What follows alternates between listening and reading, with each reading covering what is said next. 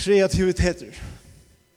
Ja, det er fantastisk at uh, ta vi vet også om hvordan vi som mennesker så øyelig ofte har ho at seta ting i fasta rammar.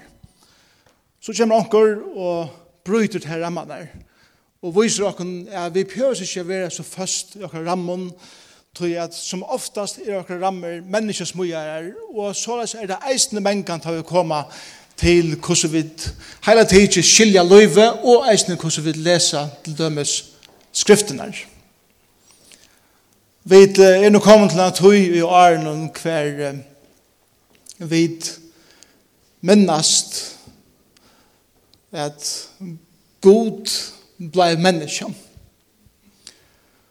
Og vi har akkurat tankar om det, og vi hugsa, ja, Jesus ble føtter, og, og Vi vet ikke, vi skiljer ikke inkarnasjonen.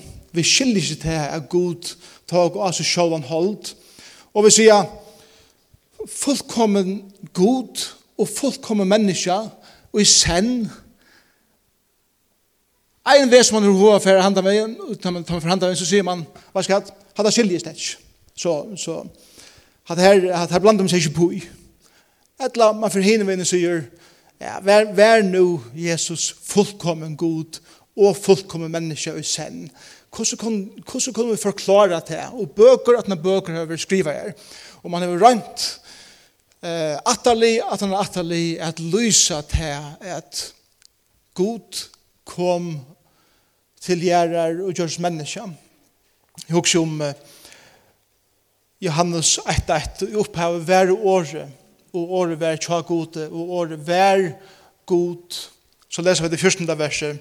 Året vær holdt og tog bostad i middelen okkara. Og så stender så hans, han vær fotler av nøye og sannleika. Og vi så dort hans her, dort som henne, og i einborn soner hever fra feir, sønnen. Hvordan forklarer vi dette her? Hvordan forklarer vi at det er en person som heter Jesus Kristus som er fullkommen god. 100% fullkommen god. Samtidig er han 100% fullkommen menneske. Hvordan forklarer vi det?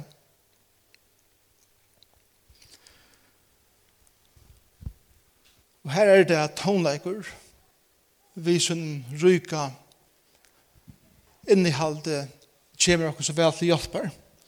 Det som jeg fyrir gjerra nå er det at jeg fyrir at prøva å se dem vi klaverer. Og som til vita så er det vi og en rød hva vi tar seg om kreativitet og vi tar seg om uh, tøtningen av at skilja er god til vi giver okkur og medelige store gaver og i sånne skapende verset.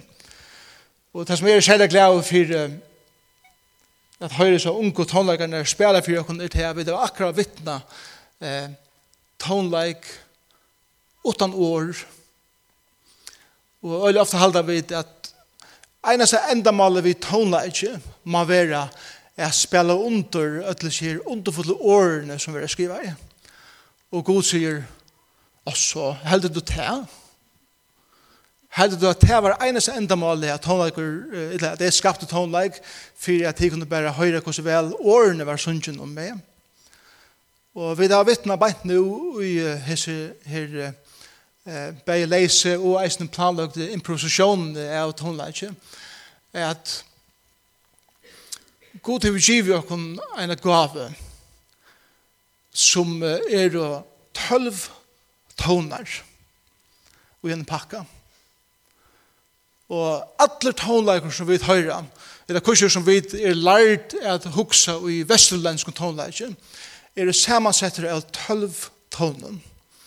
Og til, til som om god sier vi okkom, um,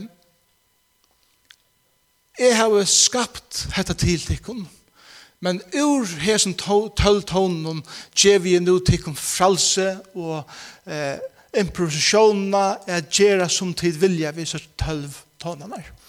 Alt som vi har hørt spalt og i det har vært en kombinasjon av de tølv tonene. Og Gud sier, vi er kreativ. Og vi har opplevd at han kreativiteten nå. Og åttan år. Og det er som om at Gud vil si at Fyrir at jeg skulle skilja med enda betur, så har vi givet en tonleik til nega meir enn bæra underspel til sanj.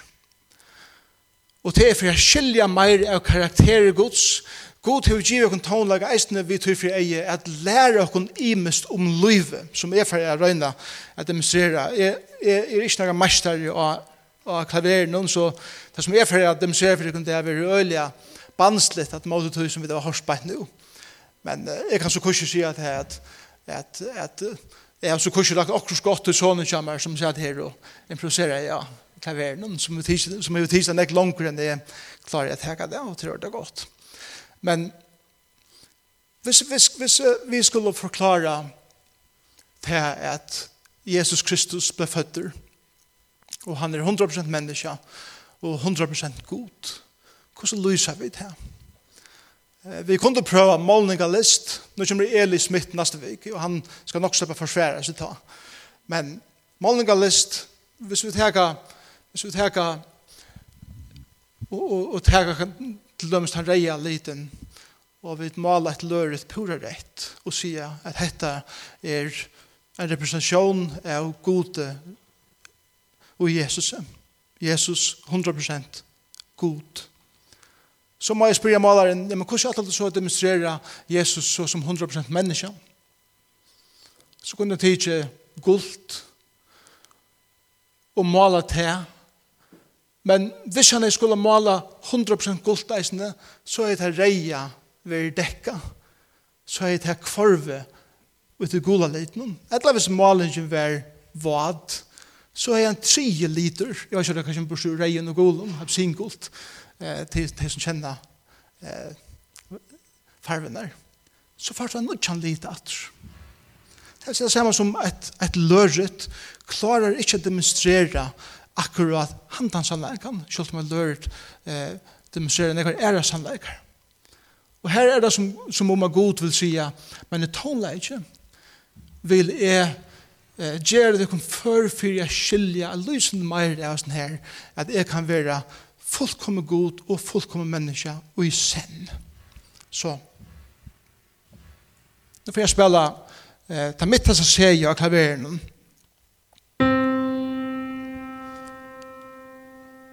Det ser jeg ta kommer eh, herrenfra.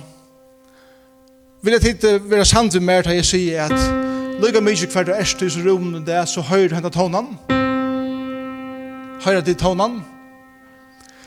Eh, til å si det samme som at hesen tånen, dette ser jeg eh, som omboer Jesus som fullkomne god, fytler alt dette her rommet som vi er inne i det 100%. Det er ikke et hjørne eller en kroker i sin rom for hesen tonen ikke fytler alt.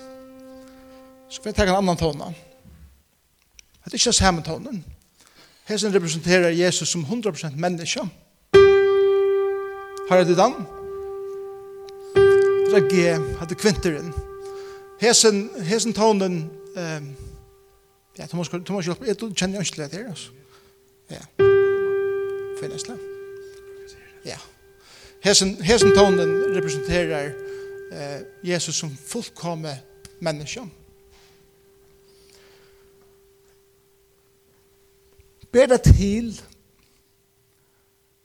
at tveir tonar kunne fytle alt dette her rommet i sen, utan at her viska kvann annan ut. Man har färg bära til.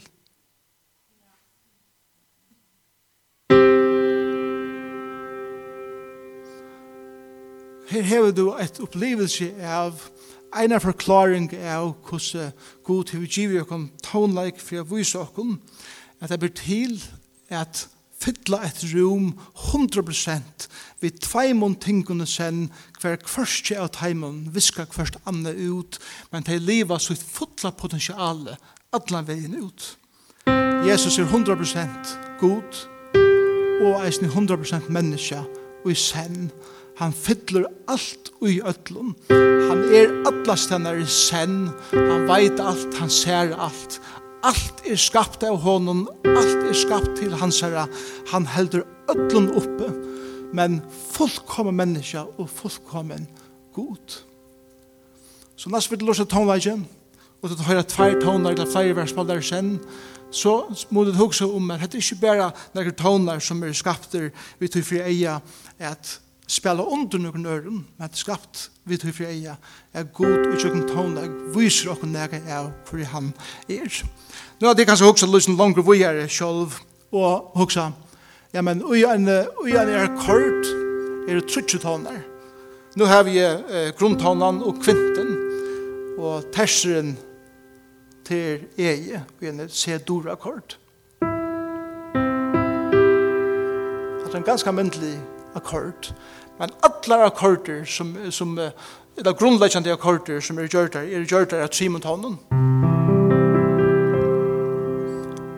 Her hugsa vi gjøre, trutje tonar, som eksisterer i senn, er fullkomner i seg sjolvun, men ikke visker hva annan ut, som fytler alt i ötlen, hver gjør det?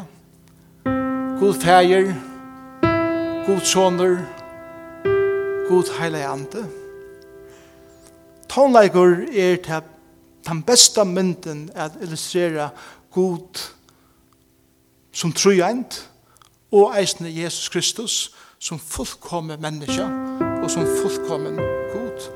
Ein og hver sangur er oppbygd av hesson Simon Tonen og sjående vi er nekver lagt seg at men og lika mykje så så er det alle tonleik som vi lorste etter er bygdur på trutja tånar. Så sjálft han tónleikeren som hever eh, tekster, som kan være at han mest godspottande og mest gods elnoktande tekster, så er det spalt under av tónleikje som korsene minner av at det er en god feir og soner og heile ante som halda ötlun oppe. Så sjalt sangur som kan evna til god være underspalt av tonleikje, som god til vi giver okna minna okna av at han er. Så ta et tid lust til at tonleikje. Så håper jeg at det som tid opplever i det, eh, beidjøkken til improvisasjon og til flotta som det hørste så unge tonleikere spela, at, at tid hugsa om etter at ta og vi synsja og ta og spela tonleik, så er det ikke bare noen tonar som bare klinker og leiser luft vi ungare meining. Det er meining ui tonleik, og god til vi giv jo knetta for å lære okkur noen ting om seg sjolvan, om sina nature og hver han er. Men så er det noen andre ting ui tonleik som vi halde vi lære øyla vel. Eit er, eit er tål. tål er og lære okkur tål. Tål Josef eh, kommer, han brukar nekka timmar at er vennja. Og til han sitter i venner så er det skalar og skalar og alle mulige vendingar som han gjør atter og atter og atter. Under det kunne man kan irritere seg noe av det, men det skaper en utrolig verkerleik av lykka vel til å lære kontroll. Jeg mener så vi at man, man kan ikke framskunda en sang. Jeg kan prøve å spela en sang for det kun. Man du ikke flenne etter mer.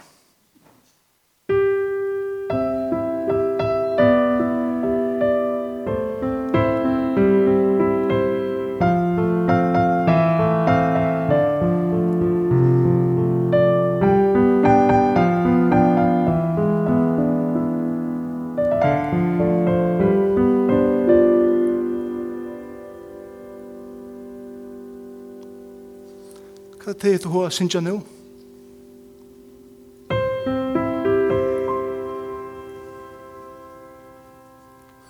Og så kan vi se, jeg gav det her ute fløven, og jeg sier til at fløven blir selv for halvan prøys til at vi kører tempe i dobbelt så kjøtt. Her nægget at du har kjøpt til fløven ham. Tonlager må opplivas fra einen enda og i annan akkurat i tempo som han vil spalter. Og Ta nytta ikke å si av en tonleikere, eller vi tonleikere, kom, skunda deg fra det i stedet. Du er nøytter og nøyt til å oppleva eh, ferna fra byrjan til enda. Og god sier, løyve er en fer fra byrjan til enda. Du kan så regna som du vil, er skunde under løyve og skulle oppnå alt såret, eller alt mulig som, som du vil i løyve, men god sier, jeg har lagt tempo.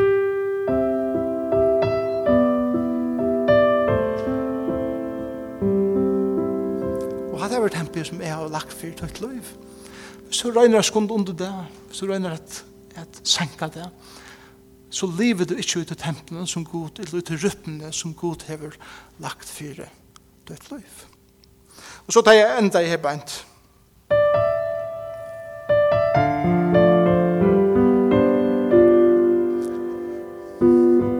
Stående. Han vil kalla for Diabolos. Diabolos eller islenskum tånskratte, eller tåndjevelen. Du hetta, hetta vil uppløysast.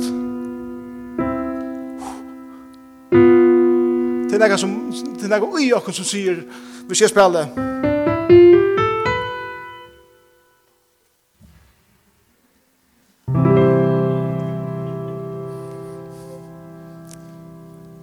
Mozart pleide at for erka pappa sin, han, han svevet sier hatt, og, og, og så så var uh, eh på en sång og Mozart han gjør så där. Så gaustan. Så hörde jeg pappa som kom och rända ner i trappen där. Och måste jag säga. Men hva er det her? Hvor, hvor ligger det her ui åkene vi vilja gjøre hatt der? Hvor vilja, hvor vil det her at jeg skal komme til grunntånden atter. Jeg vil påstande at det er en langsel innatter i Edens orsaker. Det var fullkommen harmonier i Eden. Men så kom jeg her inn. Og det var bleka i ut ur havan. Og her henga vid mengan enn i det. Og vi finner ikke fri før vi kommer å kjenne sonen Jesus Kristus. Ta få fri i salen. Men så ikke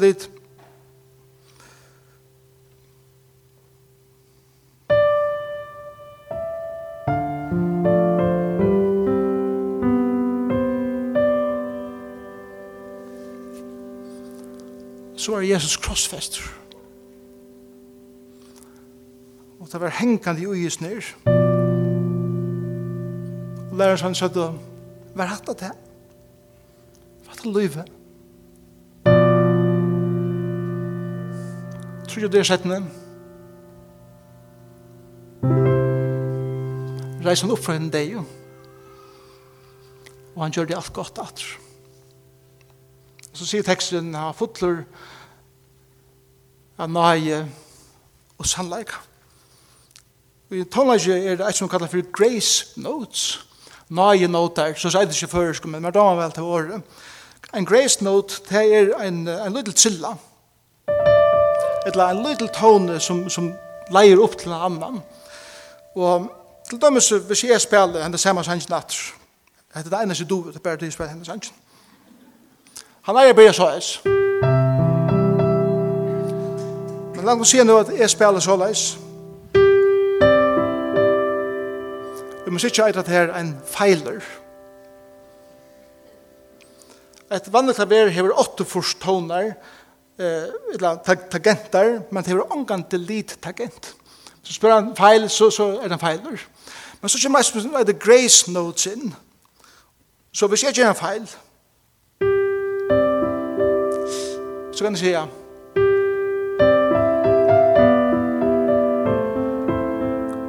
Så nu hjälper mig sjån.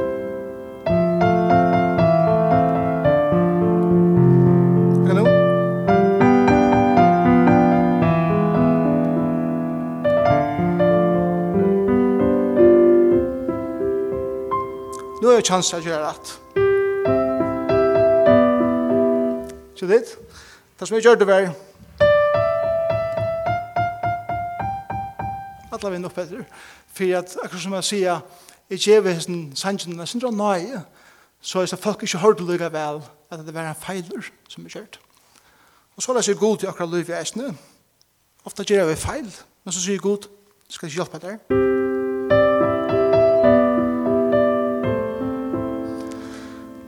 Og vi er jo mennesker som er full i feilen, og vi gjør fullt av feilen. Men god sier vi okkon, ta i det gjør feiler, så skal jeg tega der feilen der, og gjøre der korsen til nøye nåter, og tikkra løy, som leia deg til der røtte nådene. Og så det kommer til romater, så får du mødleggen at gjør der rett atter. Alt det her ligger i tonleik. Tonleikur er skapte for å vise okkon hvordan og meddela stårer og i god er. Kjenner dit uh, lukkne seg om borstevilsta sonen. Vi taler ikke, kallar vi det vanlige fire eh, heima, borster, borster og heima. At det er så grunnleggjant. Eh, borstevilsta sonen, han var heima. Han er hova fer ut får bort fra pappa sin. Og nå får jeg helt, nå får jeg bort fra grundakkordene. En lang ut.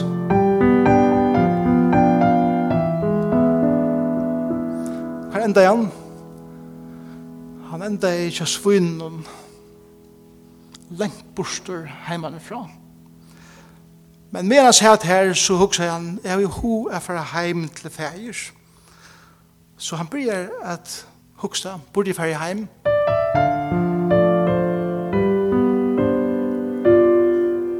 Skal du tåre feir heim?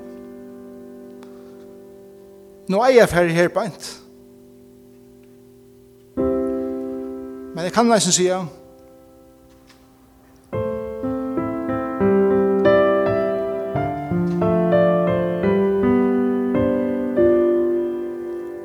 jeg tar hjem. Nei, jeg tar ikke den.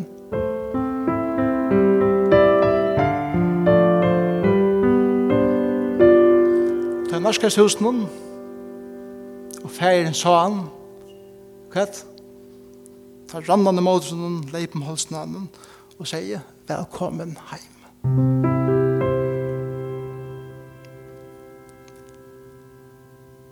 Så litt?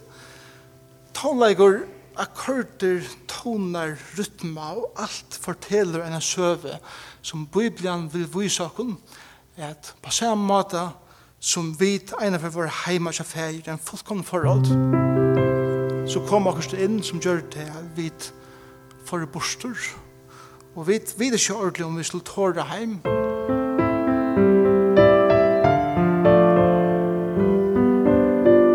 Skal tåre at gjøre mot liv til Jesus? Jeg vet ikke.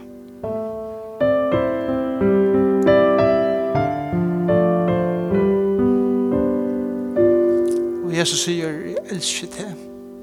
Kom heim til min.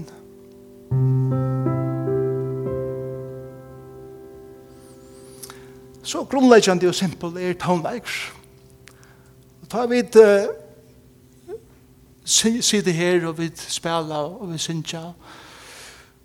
Så vågne jeg vid få egen oppfyrre at Alt det her som er gjørst av materiale som god til vi skapt, som vi tar seg om sys og sånt, så er det skapt vi tog for eia at kunne skapa på seg ur tog nega som representerer nega som nek større enn vi sjálf.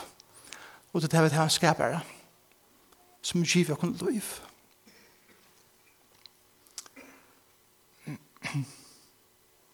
Tog innan vi er ferdig. Jeg får be at bare at hånda kan komme opp. Eit som er områdende i tonelansje eisene, hvis tonelansje sanger bare kommer opp, det er etter at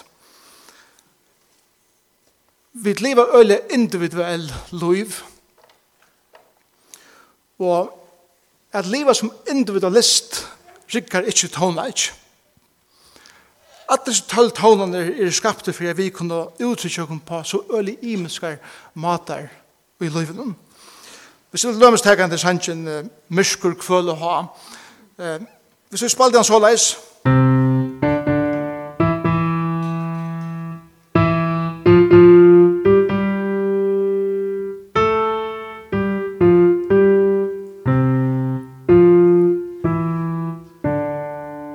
Åndsand da.